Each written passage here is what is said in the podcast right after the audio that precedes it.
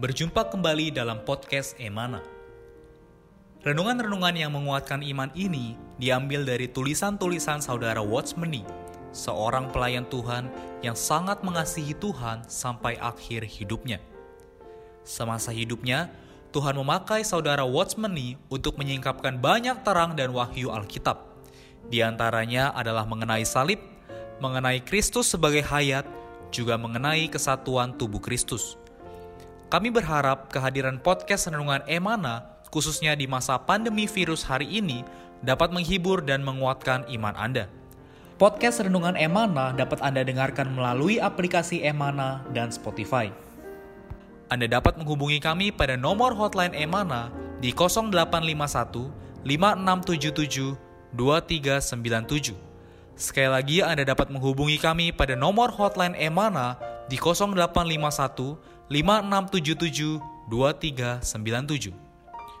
Buku-buku saudara Watchmeni secara lengkap dapat Anda peroleh di toko buku Yasmerin, Tokopedia, Google Playbook, atau di website resmi yasmerin.com. Selamat menikmati seri renungan hari ini. Salam damai sejahtera saudara-saudari sekalian, saudara-saudari pendengar podcast Emana Syukur kepada Tuhan, kita bisa kembali lagi membahas renungan-renungan firman Tuhan hari ini.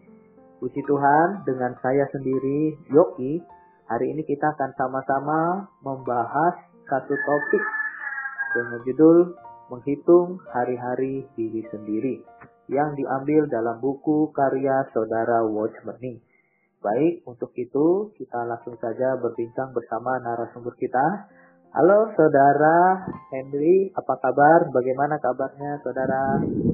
Puji Tuhan, saudara Yuki, Amin. saya baik-baik saja. Haleluya. Haleluya, puji Tuhan. Ya, baik, kita akan membahas menghitung hari-hari diri sendiri di dalam firman Mazmur pasal 90 ayat 12. Ajarlah kami menghitung hari-hari kami sedemikian hingga kami beroleh hati yang bijaksana. Nah, bagaimana menurut saudara Henry firman hari ini? Amin. Puji Tuhan ya saudara-saudari, semoga firman ini menjadi doa kita. Ya. Oh, saudara-saudari kita perlu mengenal bahwa Mazmur 90 ini adalah doa Musa.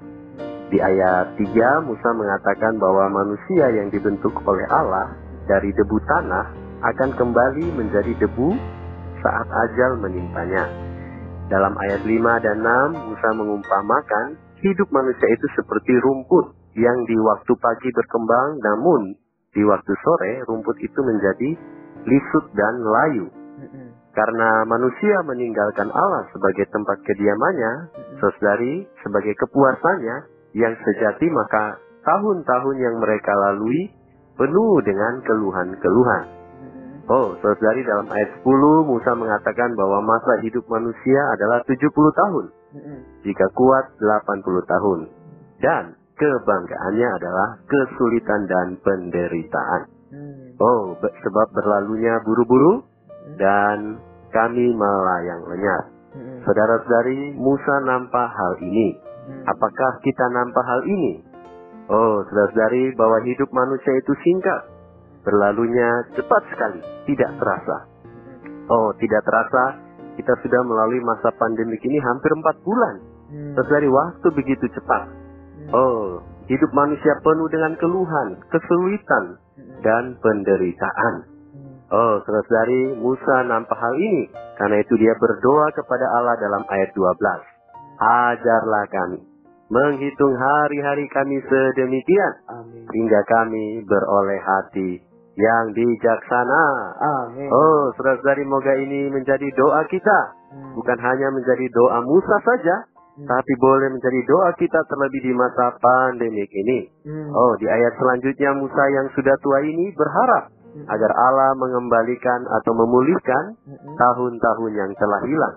Hmm. Saudari, sebelum masa pandemik, banyak waktu yang hilang. Hmm. Banyak hari-hari, bulan, dan tahun yang hilang. Hmm. Oh, Tuhan Yesus, Hmm. Semoga Tuhan merahmati kami, merahmati kita, hmm. agar kita boleh uh, merebut kesempatan. Hmm. Oh di masa pandemik ini, Oh, saudari, moga di sisa hidup kita. Hmm. Amen. Kita menempuh penghidupan gereja. Hmm. Hanya di dalam hidup gereja, hidup yang penuh dengan perhentian dan sukacita. Saudara-saudari, di luar dari hidup gereja, Hmm. saudari kita tidak ada perhentian yang sejati. Hmm. Sukacita yang sejati. Oh, saudari, syukur pada Tuhan. Moga Tuhan merahmati kita. Moga kita merebut kesempatan di masa pandemik ini. Hmm. Agar kehidupan kita adalah kehidupan yang penuh dengan perhentian. Amin. Tanpa keluhan, tanpa bersungut-sungut. Hmm. Puji Tuhan. Amin. Ya, Saudara Henry, di sini juga dikatakan jangan mengira bahwa hari-hari yang hilang itu tidaklah terlalu banyak, hanya sedikit saja. Kalau kita melihat perjalanan Bani Israel di padang gurun, kita akan nampak betapa seriusnya kesia-siaan waktu itu. Setelah orang Kristen keluar dari Mesir, mereka tiba di padang gurun Sinai pada bulan ketiga. Mereka tinggal di padang gurun Sinai selama 10 bulan. Pada tahun kedua, bulan kedua, tanggal 20, mereka meninggalkan Gunung Sinai menuju tempat yang dijanjikan Allah. Ulangan 1 ayat 2 mengatakan 11 hari perjalanan jauhnya dari Horeb sampai Kadesi Barnea melalui jalan pegunungan Seir. Kadesi Barnea terletak di perbatasan tanah Kanaan. Ini berarti dari Gunung Sinai sampai ke tanah Kanaan hanya memerlukan waktu perjalanan 11 hari saja. Tetapi setelah mereka tiba di Kadesi Barnea, mereka tidak percaya kepada Allah. Sebab itu mereka tidak dapat masuk ke dalam tanah Kanaan. Demikianlah mereka terlunta-lunta mengembara di padang belantara selama 38 tahun. Barulah kemudian anak cucu mereka dapat masuk ke tanah Kanaan. Dari statement ini bagaimana Saudara Henry? Amin. Ya, saudara-saudari, gambaran Bani Israel dalam perjanjian lama juga adalah gambaran gereja dalam perjanjian baru. Saudara-saudari, kita tidak lebih baik dari bangsa Israel. Sebenarnya pengalaman mereka juga adalah pengalaman kita hari ini.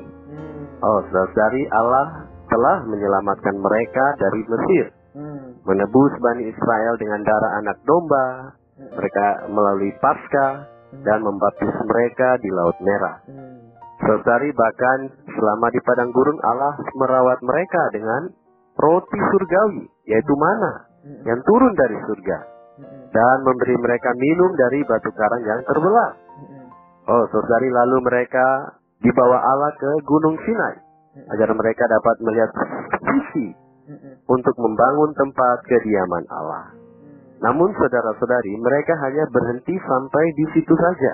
Mereka tidak sampai masuk ke tanah Kanaan, ke tanah permai untuk membangun tempat kediaman Allah yang permanen, baik Allah, dan membangun kerajaan Allah. Oh, saudara-saudari, waktu mereka terbuang sia-sia dikatakan selama 38 tahun. Oh, padahal hanya membutuhkan waktu 11 hari perjalanan. Bayangkan, saudari, Sebenarnya perjalanan yang hanya bisa ditembus 11 hari, akhirnya menjadi 38 tahun. Oh, saudari, mengapa bisa demikian? Saudara-saudari, bukankah mereka telah melihat sendiri bagaimana Allah menyelamatkan mereka mulai dari Mesir dengan tanda-tanda ajaib? Kita patut bertanya bagaimana mungkin mereka tidak percaya kepada Allah. Mereka sudah melihat dengan mata kepala mereka sendiri. Oh, saudari di dalam Yeremia pasal 2 ayat 13, Allah berkata sebab dua kali umatku berbuat jahat.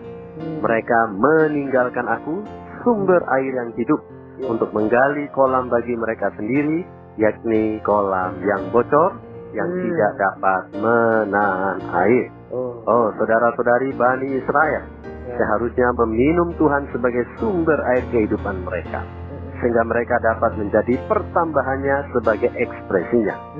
Oh, tetapi sebaliknya, saudari mereka malah melakukan dua kejahatan. Mereka meninggalkan Tuhan sebagai sumber air, sumber mereka, dan mereka beralih ke sumber selain Tuhan. Inilah dua kejahatan mereka. Oh, saudara-saudari, menggali kolam bagi mereka sendiri menggambarkan usaha Bani Israel dalam uh, mem- upaya manusia untuk membuat berhala yang menggantikan Tuhan. Kolam-kolam yang bocor yang tidak dapat menahan air menunjukkan bahwa selain dari Allah sendiri yang diberikan kepada kita sebagai air hidup, tidak ada yang dapat memuaskan dahaga kita. Hmm. dan membuat kita bertambah oleh Allah untuk ekspresinya.